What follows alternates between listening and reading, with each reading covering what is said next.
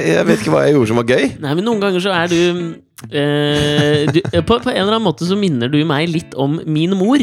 Hun var en sånn eh, som var, som var morsom uten at hun på en måte mente det alltid. Du er det ganske ofte òg. Når du liksom ikke ikke ja. prøver så jævla hardt. Du prøver ofte så jævla hardt. Nei, det gjør jeg vel ikke. Eh, Men når du ikke prøver så hardt, så da syns jeg du er på ditt beste. Altså. Ja, men uh, I, i podkasten, da, når jeg forteller en historie jeg syns er morsom, eller eksempel om sånn riskorn nede i Egypt eller noe sånt nå.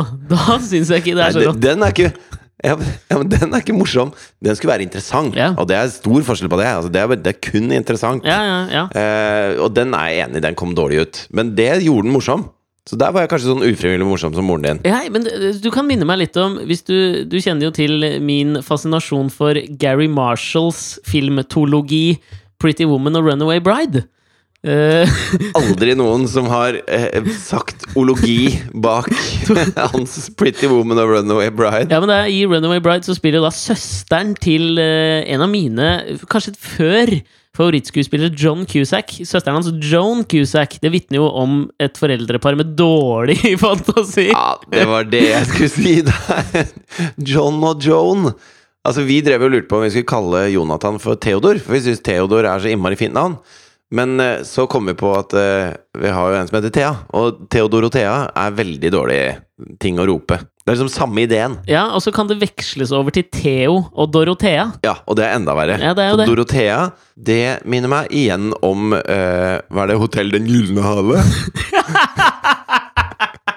Vet du hva, Det funker så dårlig med referanser til Vertshuset Den gylne hale på, pod, på, på podkast, fordi det er alt ligger jo i framførelsen av Og for de som er yngre enn oss, da, de har jo aldri sett dette her.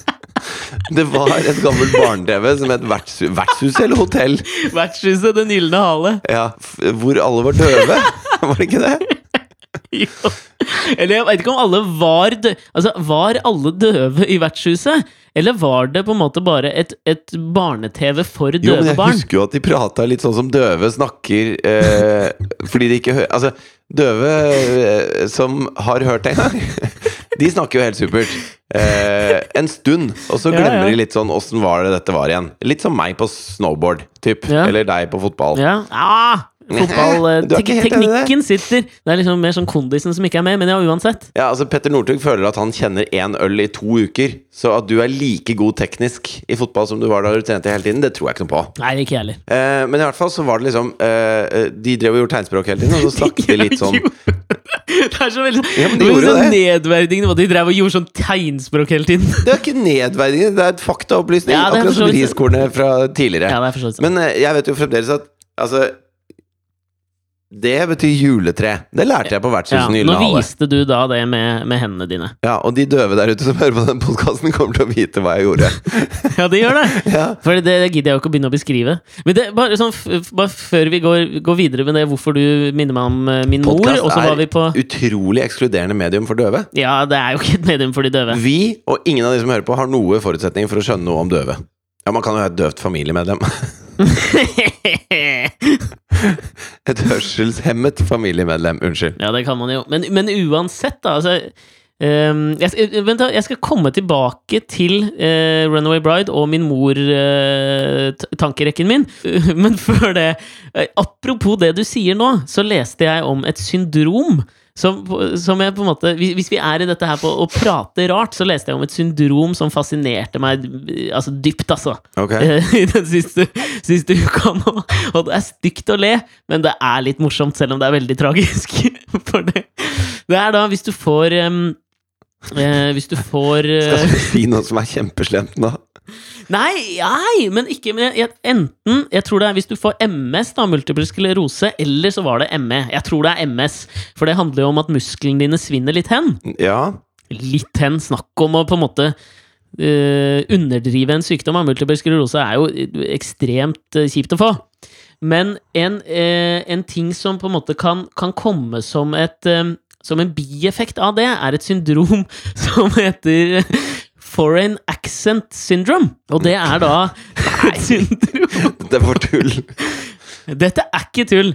Og det er en norsk dame som driver en blogg som jeg, jeg har vært inne og, og nilest bloggen hennes eh, siden det. Den heter Dullfulness, og jeg, jeg, jeg anbefaler alle å gå inn på den bloggen. Den er kjempebra skrevet. For MS er jo en Det er jo en nevrologisk sykdom, så jeg skjønner ikke helt åssen det kan Ja, nå ble kan jeg usikker på om det var MS eller Nei, om det var ME, altså. Men ME er jo utmattelsessyndrom. Da ligger man i mørkt rom og må være helt stille.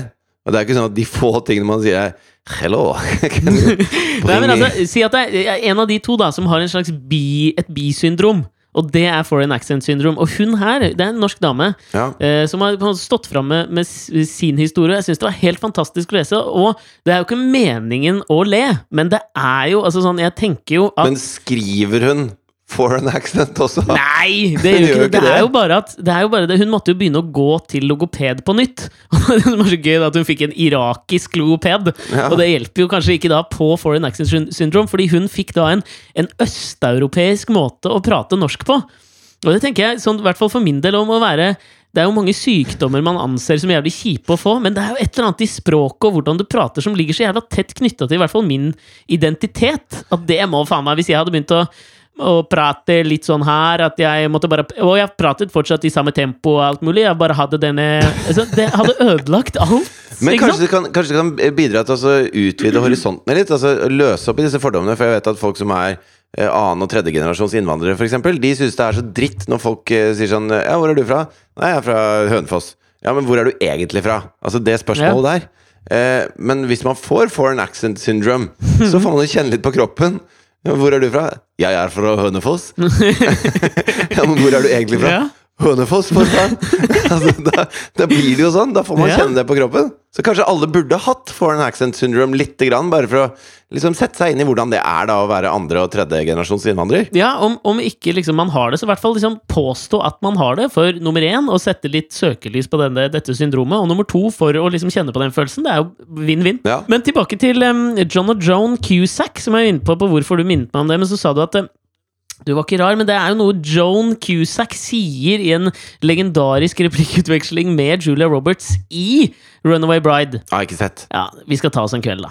Det, jeg har plenty av anekdoter som jeg kan fortelle deg i løpet av den filmen. Men du kommer til å være verdens mest irriterende å se de filmene. For du kommer til å trykke på pause hele tiden og si 'la du merke til at eh, han så på det', og det, Her, vet du, i, når de spilte inn denne filmen, så kom egentlig den hesten ut fra venstre, men så Altså, du, du kan så mye om dette her at du kommer til å være forferdelig å se en sånn film sammen med. Skal jeg dra en Pretty Woman-anekdote oppå Runaway Bride-anekdoten min nå? Har du lyst på det? Herregud. Pretty Woman har du sett. Ja, den har jeg sett. Og det her mener jeg ligger litt av genialiteten til regissør Gary Marshall. For en legendarisk scene i Pretty Woman, det er jo når Julia Roberts på en måte har fått fresha seg opp og fått hjelp til å kjøpe de flotte kjolene. Ja. Og skal bli med Richard Gere ut på denne viktige middagen med businesspartnerne som han skal, eh, som, eh, som han skal på en måte ta over båtbyggingsbusinessen til. Så sitter hun i denne hotellbaren og venter, og Richard Gere Nei, vet du hva! Hun sitter jo ikke der, hun er oppe på, på rommet. Og så uh, har han lånt et sånt ekstremt dyrt halskjede som hun skal få ha på seg den kvelden. Nå koser Husker du den scenen da deg. hvor han Nå koser du deg skikkelig. Og og husker du det når han lukker opp, og hun får se på det mm, kjedet inni denne Altså, jeg så, Saken- jeg så Pretty Woman på kino, på Saga kino. Og eh, hele barneskolen hadde jeg gått og vært litt sånn nerd. Altså, jeg var litt døll. Eh, litt sånn mm. teacher's pet, egentlig. Og litt plagsom og døll fyr, da.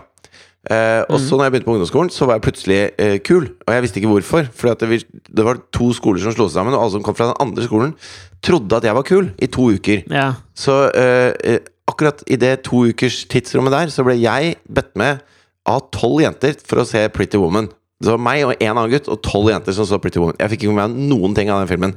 Men jeg har veldig godt minne til liksom, Pretty Woman som film. ja, ikke sant? For det var jo stort for meg, selvfølgelig. Ja, men altså, Du husker jo sikkert scenen hvor Richard Gere klapper sammen smykkeesken på fingrene til Julia Roberts når hun prøver å ta tak i smykket, og hun begynner å le hysterisk. Ja, og skøyer, han Gare. Ja, og det var ikke i manuset. Så dette var bare noe da Gary Marshall hadde skapt et så fantastisk stemning på settet at når Richard Gere gjorde det, så beholdt han det i filmen, selv om de brøyt rett etterpå. Så hvis du ser den filmen, så ser du at de klipper jævlig raskt etterpå, for da bryter jo Julia Roberts karakter. Eh, Men det som skjedde, var at det bare var så magisk, den latteren som kommer der. Julia Roberts sin ekte, trillende latter som kommer ut sånn helt naturlig fordi Geran driver og kødder litt med. Og det er, jo, det, er, det er jo nydelig. Tilbake til da Joan Cusack i Runaway Bride. som som, um, som sier til Julia Roberts når de sitter inne på uh, frisørsalongen hennes Apropos det du sa om at du ikke er rar, så sier hun da at altså, Så sier Julia Roberts at hun også er rar. I'm weird. Og da sier John Cusack de treffende ordene Nei, nei, du er quirky. Quirky og weird er to helt vidt forskjellige ting. Hvis du er weird, så er du ikke så sjarmerende, men quirky, det er meget sjarmerende. Og det er der, det tror jeg det er i det landskapet du beveger deg, og det er derfor det også minner meg om min mor, som i sin ufrivillige morsomhet var quirky og ikke weird. Tusen takk for meg. Velkommen til Alex og Fritjofs podkast.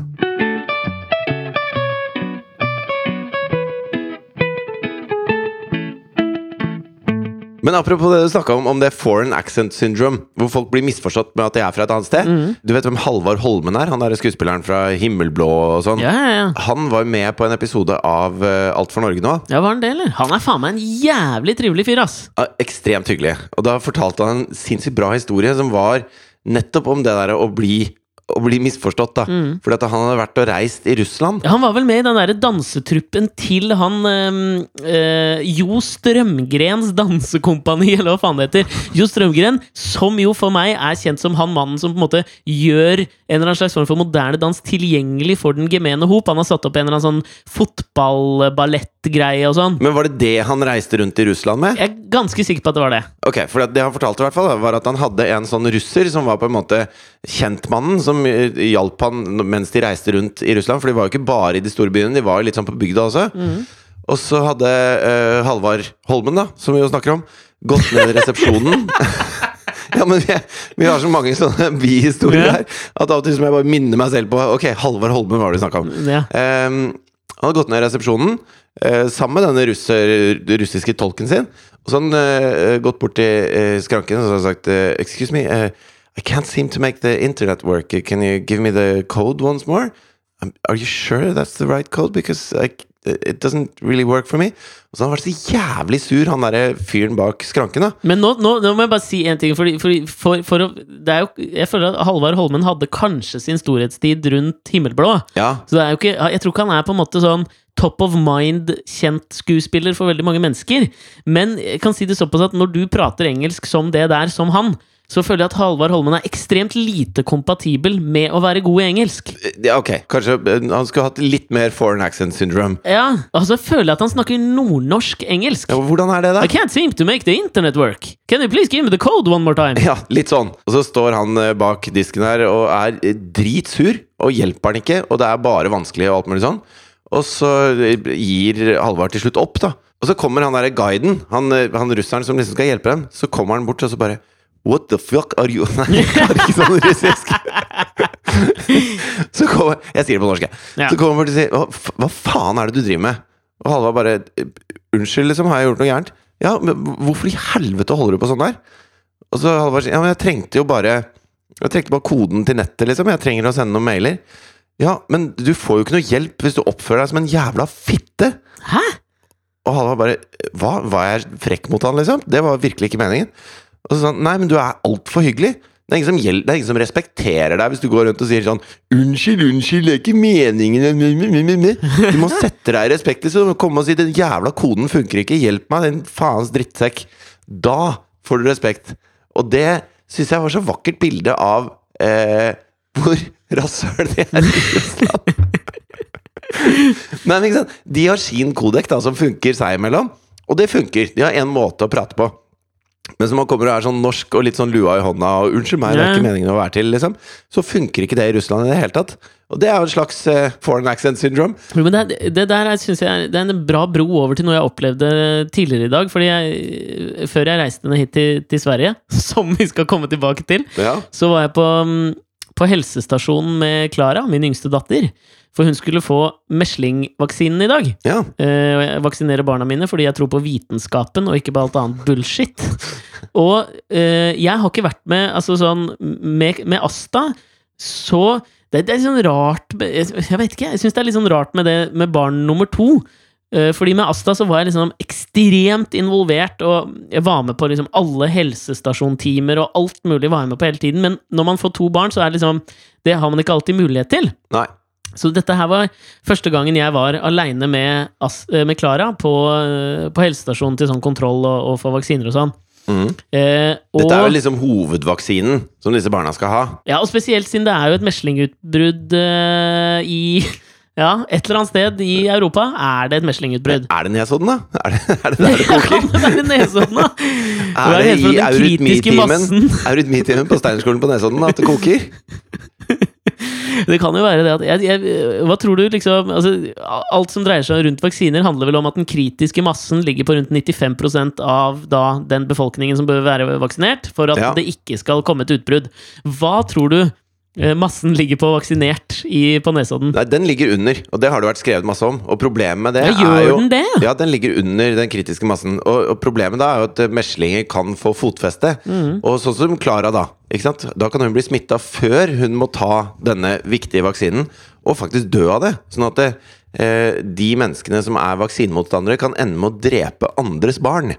Noe som jo er fryktelig ugreit, i min bok. Fryktelig ugreit. Men vi har prata mye om vaksiner og vaksinemotstandere før, så vi skal ikke gå dypere inn i det. Men, det, Men dette er the mother of all vaccines, er det ikke det? Ja, det er jo det. Hvorfor må amerikanere kalle alt the mother of? Nå var det sånn The mother of all storms hadde vært, og de slapp the mother of all bombs. Ja. Og alt med, hva har vi som er the mother of Altså, Vi kan ikke si dette er mammaen til alle vaksiner. Dette er mammaen til alle bomber. Nei, det høres ikke like raft ut, ass. Vi sier det var, Og det var en kjempestor bombe, sier vi. Og så sier russerne Why you acting like a pussy? Og så går vi ut med lua i hånda. Ja, men det var, for det var litt jeg, jeg, jeg følte meg på, kanskje litt som Halvard Holmen gjør i Russland, da jeg var på helsestasjonen i dag. Fordi at det, og det, det var jo jeg synes det var et sånt fascinerende møte med mitt nye nabolag også, for da det er jo helsestasjon nå på Nordstrand, og så når jeg kommer inn, så er det jo kun mødre der, tenker jo jeg. Men det jeg ser ganske raskt, er jo at det er en del au pairer Ja. som er med med barna. Fordi, og, og grunnen til at jeg ser det, er jo at barnet er av en annen hudfarge enn moren. Og så sier du ja, men det kan være blandings. Men det var liksom åpenbart um, at det var det, for jeg, jeg prata med noen av dem. Det var ikke bare foreign look syndrome de hadde, da. Kan, altså, hvem faen er jeg til å dømme? Det kan godt være det. Ja, ja. For dere som ikke har barn, da, så, så, så er det sånn at når man kommer på helsestasjonen for sånne kontroller, så kontrollerer de alt fra vekt til lengde til omkrets rundt hodet og alt mulig sånne ting, for å sjekke at barn følger på en måte en eller annen kurve. Hvis de eh, divergerer veldig fra kurven, så er det jo grunn til bekymring, og så må man ta noen grep. ja. Og det som man alltid må gjøre før man får komme inn til helsesøsteren og få vaksinen og den lille praten man skal ha, det er at man selv skal veie og måle barnet sitt. Så man må komme litt tidlig.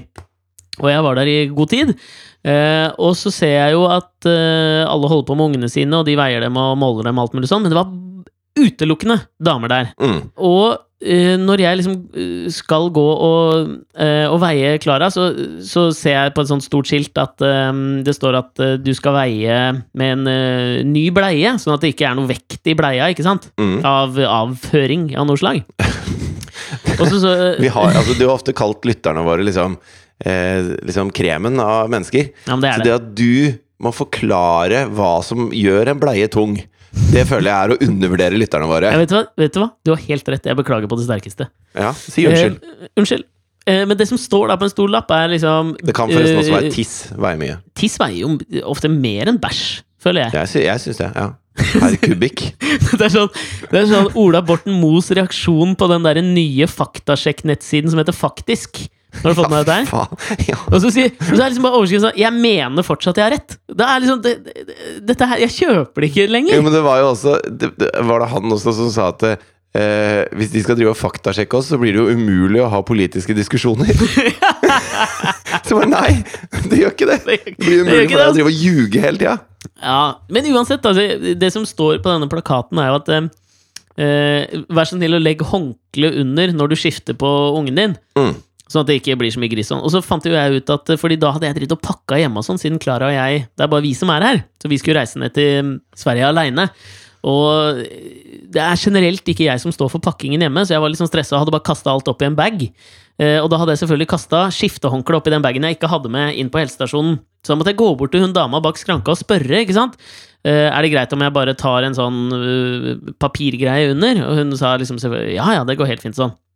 Og der merka jeg, fordi da jeg da hadde liksom skiftet på henne og skulle legge Klara oppå denne, vei, denne vekten, og sånn, så ser jeg at hun liksom ser litt på meg som det, og da følte jeg Ja, ja. Du, at liksom Jeg er den eneste mannen er her som, som, har glemt håndkleet sitt. og nå måtte du for en gangs skyld ta fri fra jobben og gjøre dette her, liksom, og det får du ikke til, da. Nei, det, og, og jeg har jo gjort dette her med Asta. Liksom, sånn, altså, det var jeg som gjorde det med Asta. Jeg var aleine med Asta i dritlenge da jeg var i pappaperm. Ja, du er en kongepappa. Du er, du er jo pappaens Jo, du er dritbra pappa, liksom. Du tar fullt ansvar hele tiden. Herregud. Så jeg, jeg skjønner at Ja, men du er jo det. Ja, men du må ikke si så. Jeg, jeg er i sånn rørt hjørne i dag. Jeg skal forklare deg hvorfor etterpå. Jeg ser du fikk tårer.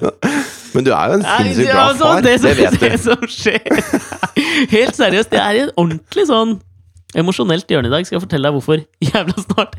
Men ikke si sånn, da. Jeg orker ikke å drive og komme inn igjen her og ha sånn grinete øyer. Men når du, vet, når du vet at du er en mann som tar ansvar, og at du har vært hjemme med disse ungene, og at du er den som de snur seg til, og den som de hviler på og gråter på skulderen til, eh, og så blir ikke det sett av alle au pairene på helsestasjonen, eh, blir du forbanna da, eller blir du bare lei deg? Ja, men Jeg er ikke så opptatt av hva folk rundt meg s- syns og tror sånn.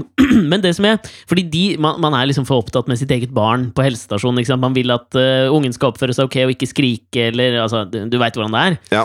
Men når hun dama bak skranken liksom åpenbart da kommer, går ut fra bak skranken og liksom skal hjelpe meg å veie og måle Klara, så merker jeg at jeg blir, jeg blir sånn ordentlig provosert. ja, det skjønner jeg. Ordentlig provosert. Ja, For du er jo the mother of all dads.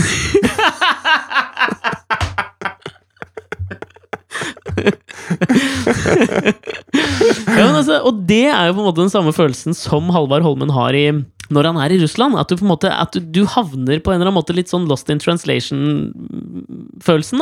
Ja. Halvard Holmen kan ikke gå bort og forklare han at i Norge har vi en kultur om at vi behandler servicemedarbeidere bra. Det kommer du ingen vei med. Jeg kan heller ikke forklare henne at du vet hva, jeg tar kjempemye ansvar som far. Jeg, altså, jeg, jeg er, og jeg kan dette her greiene her. Jeg har et barn fra før. Jeg er råbra, egentlig. Ja, men, og, men jeg merka at jeg var liksom i ferd med å gjøre det også, for da hang det litt ved. Så da jeg kom inn til hun helsesøsteren, som åpenbart tvilte på mine faderlige egenskaper, hun også, eh, så var jeg liksom litt sånn opptatt av å påpeke det at ja, da jeg tok denne med storesøster, så gikk det veldig bra, da gjorde jeg sånn og sånn, men hun eh, liksom følte at jeg snakket til døve ører der. Ja, men det er kjørt, ikke sant? Du har, altså, de, de sitter og ser på folk gjøre dette her hele tiden. Og så ser de de som har, de som har Du vet de der bagene som er pakka helt sånn sirlig sånn tut, tut, tut, tut, tut, tut. Ja, ja. Eh, og de jeg har en ser sånn! de ja, ja, ja.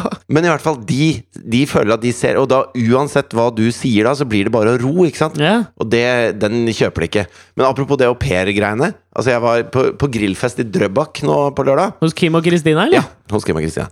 Eh, og så satt vi og prata om Tidligere bassisten i Spam. ja, sa han, ja. Og, og kona hans. Men Og så satt vi og prata, og da var det liksom flere andre sånn Drøbaks-folk der. Og så snakka vi om eh, masse forskjellig, og så kom vi inn på eh, elbiler, at de driver og pendler. ikke sant? Disse Drøbaks-folka pendler inn til byen. Og de har elbiler sånn at de kan kjøre kollektivfelt. Og ja, hvor lenge tror vi at det fortsatt kommer til å være sånn? For nå blir jo flere og flere biler elbiler. Eh, og så sa de at ja, men det er jo sånn eh, at du må være mer enn én i bilen for å ha lov til å kjøre kollektivfelt i rushtrafikken, eller noe sånt, tror jeg, med elbil. Ja, er det det, eller? Ja, i hvert fall på noen strekninger, tror jeg det er Ja, sånn. for han, du vet han utbyggeren som har bygd huset vårt? Ja, Han har en, han har en afroamerikansk eh, utstillingsdukke i, altså i passasjersetet på Teslaen sin, sånn at han alltid kan kjøre i det feltet. ja ikke sant? Det, eh, men jeg hørte da det som toppa det, for det de sa eh, flere hadde begynt med nå, eh, som er helt jævlig, det er at de tar med seg au pairen sin, og så kjører de inn til byen, og så setter de henne på bussen på vei tilbake igjen. Nei, fuck you! Det er så lavmål å drive med! Stil. For å kunne kjøre bussfil i Teslaen sin, liksom. Men Drøbak er på mange måter blitt på en måte mm, litt sånn um, Det Kolbotn si- skulle ønske at det var. Ja, kanskje litt, altså, fordi det er jo vel skodde mennesker som bor der, og det, det har en viss sånn seilermentalitet, ettersom det ligger jo rett ved sjøen også, og det er jo blitt et litt sånn arnested for mediepersonligheter, politikere, alle mulige, Espen Lind bor der, Eh, Siri Kristiansen bor der. Ja. Nei, dette er Son, det, kanskje? Kanskje jeg blander Drøbak og Son? ja, det er samme greia. Det er liksom skjærgårdsidyllen, men nærme Oslo, så det er ganske dyrt å bo der. Det er mye golfklubber rundt omkring der. òg. og liksom, jo... hvis, du har, hvis du har Tesla og Per, da, så er det sentrumsnært. ja, det er nettopp det. Med ikke bare fjordgløtt, du har fjordutsikt, ikke sant? Ja, ja. 360 Nei, det går ikke an. Men eh, 180 grader, da. Det går jo an hvis du bor ute på en øy. Ja, da går det an. Men du, jeg tenkte jeg kunne, kunne jo ta og fortelle litt om hvorfor dette ble så overdrevent emosjonelt beveget av det du sa nå, da. Og hvorfor jeg er i det lille emosjonelle hjørnet. Ja. Og det er jo fordi at det, nå har jeg reist ned hit eh, Vi er eh, på et, eh, et sommerhus til eh, en kamerat av meg som heter Jens. Som, de har et fantastisk flott sommerhus som ligger Uh, ute i den svenske skjærgården, et sted som heter Bogen. Altså, nå sitter jeg og ser ut her, og da ser jeg rett ut på Dynekilen. Altså, vi snakker Tordenskjold. Altså, det, var, det var her Tordenskjold slo ned eh, den svenske flåten før de liksom kom, klarte å komme seg ut mot uh, Danmark-Norge en gang. ikke sant? Karl 12. ble Dette, jo dette her har litt sånn godsaura, det, det du snakker om nå. ja, det, altså, er du på si, gods? Ja, men la oss si det sånn at det er flere hus på tomten. Ikke sant? Ok, ok. Det er, er, ja, det er fint her, altså. Ja, okay, ok. Eh, har vi noe på Tordenskjold, eller? Tordenskjold Uh, Nei, ikke så mye. Jeg tror jeg har, altså Peter Wessel er jo Tordenskjold. Han var jo kjent på sånn seint Er eh, det han som er Tordenskjold? Ja, han ble jo adlet. Han, han het jo før, først Peter Wessel. Ble, tror jeg, det er jo en sånn stor kamp om Peter Wessel var dansk eller norsk, men jeg tror han var født i Trondheim eller noe sånt nå. Ja. En, en sjøhelt for, den, for Danmark-Norge. Og ble adlet eh, tipper tidlig 1700-tall, tipper jeg. ja. Eh, og da ble han hetende Tordenskjold. Ok. Så det er liksom hans sup superheltnavn, på en måte? Hans Peter Parker, Spiderman-type greier? Ja, og hvis vi er i liksom anekdoteland i denne podkasten, så har jeg en på Tordenskjold også, som jeg hørte, fikk høre nå fra eieren av huset her, godset, rett før jeg gikk ut. Ja. Som liksom forklarer litt av Tordenskiolds genialitet, tenker jeg. da, fordi at eh, Danmark-Norge hadde jo en mindre flåte enn det Sverige hadde, men det han fikk da troppene sine til å gjøre, det var at det, det var et kvartal der hvor oppgjøret, den store oppgjøret skulle være, hvor, det, hvor den, den, det svenske, den svenske hæren kunne bare se troppene når de gikk forbi Altså mellom to bygninger.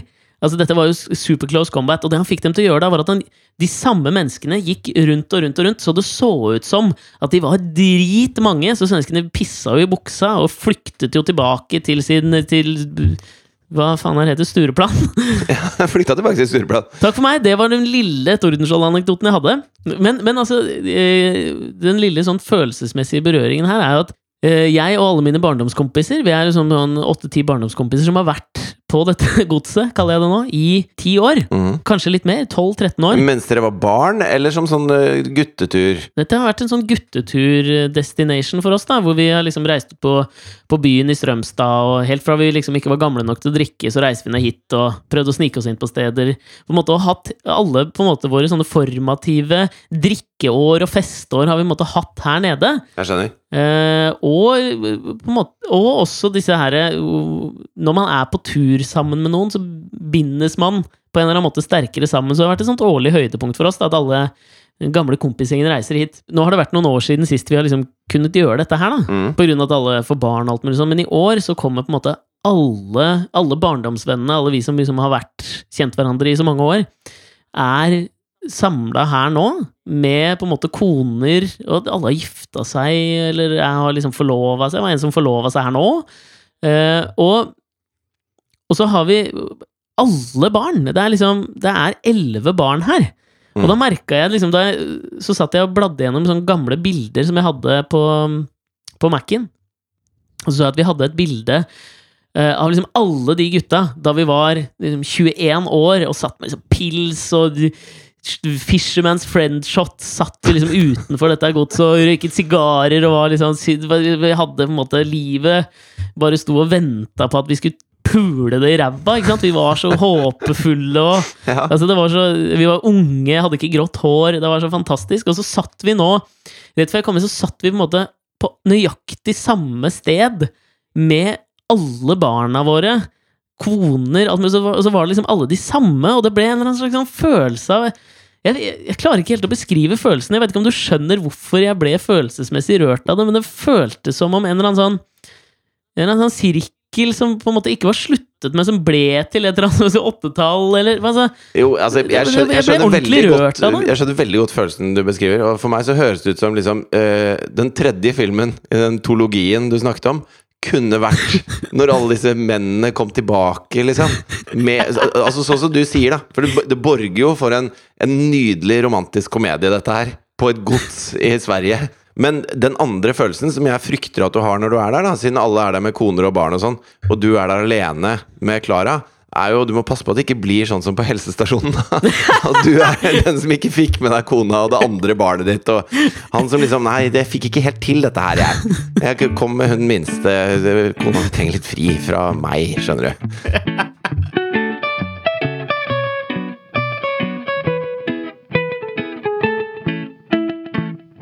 Men du, før vi avslutter, Ja. hvordan går det med deg, da? Jo, du, jeg har, jeg har hatt det fint, altså. Vi ble ferdig med Alt for Norge i går. Ja, gratulerer. Eh, så da var det finale, Mm. og så var det da finalefest. Så jeg har sovet eh, tre timer i natt. Eh, det gjør meg sylskarp, føler jeg. I hvert fall tidvis i løpet av dagen. Og helt ødelagt resten av dagen. Jeg Eh, kan, beskrive, vi- jeg kan beskrive din bakfullhet med den meldingen du sendte meg. Jeg er klein som Mahmoud Abbas etter å ha hatt møte med Jared Kushner. Den lo jeg jævlig godt av. Jo, men Når Jared Kushner satte seg ned sammen med lederen for Jeg orker Det- Nei. Nei, ok, jeg skal ikke gå dit, ikke. men det må ha gjort så vondt for Mahmoud Fy faen, altså. Tenk deg alt han har jobbet for hele livet. Og så kommer det en sånn preppy schoolboy fra New York og skal liksom ordne verdensfred. Det går ikke. Da blir, det, det gjør vondt i hodet. Men det, det jeg skulle si, som vi må si før vi går herfra i dag Ja. Eller går herfra, vi er jo i to forskjellige land. Men det er at du sitter ikke Altså, det, dette godset vi snakker om, yeah. det er jo enormt. Det skjønner man jo når du sier at det her er det ti familier, liksom. Og det rommer det helt glatt. Det er jo kjempestort. Ja, altså, det er du, du er, dette er fiffen. Dette er adelig, det du driver med nå.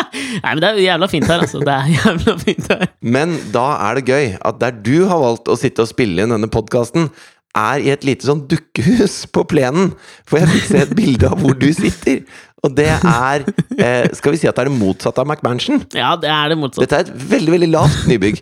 Så sånn sett så passer det jo deg eh, egentlig ganske fint. Du så ut som du trivdes inni i det lille huset ditt. Ja, men vet du hva, det er bra her. Jeg håper også at akustikken har vært grei for dere som hører på, har hørt på denne podkasten her. Hvis dere har orket å høre på helt hit, da. Men det var jo utelukkende Det var veldig pragmatisk eh, av meg, altså. Fordi at det sov jo barn i alle disse anneksene, så jeg tenkte at nå skal jeg prøve å forstyrre færrest mulig. Og sette meg da Og så ser jeg også at det er ganske umøblert, så da vet jeg at hvis, hvis noen får lyst til å invitere meg, så har jeg et sted å bo. På godset. Du får dukkehuset, null problem. Og dere, til dere andre kan ikke dere gå inn på eh, Dette håper jeg dere gidder å gjøre. Gå inn på iTunes og skrive en hyggelig kommentar hvis dere liker podkasten vår, og gi oss noen stjerner der. Fordi da kanskje vi eh, blir oppdaget av noen andre som kan få være med i denne store familien. Ja, nå har vi sagt det på, med en litt sånn snill tone ganske mange ganger. Men kan jeg, kan jeg få lov til å uh, ta den et lite hakk videre? For at du og jeg sitter og skvaldrer her og koser oss veldig, og så, og så lager vi den podkasten, bruker litt tid på det og syns det er gøy og gir den ut sånn, så, er det, så ser vi liksom at det er noen tusen da, som laster ned hver eneste podkast. Mm. Men det er liksom ikke noen tusen kommentarer der inne. Nei, det syns jeg er litt Altså, Det er faen meg litt gid, dårlig!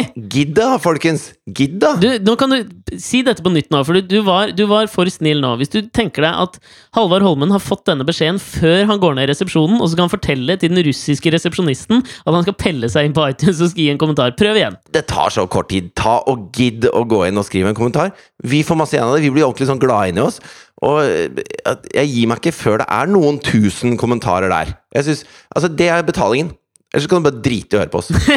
Ja, det er bra. det er bra. Ikke drit i å høre på oss, da, men da har jeg støtte alt det andre. Ja, du kan drite i å høre på meg, da. Du kan høre bare på Alex snakke om Pretty Woman. Opp og ned, jeg mente. Pretty Woman. Og så noen sånn Hegel-filosofer og Kant sa jeg en gang, husker jeg. Jeg har noen bøker Jeg jeg nesten leser. Bla, bla, bla. Ja, men det er greit, det. Og så høres vi igjen om en uke. Det gjør vi. Ha det! Ha det!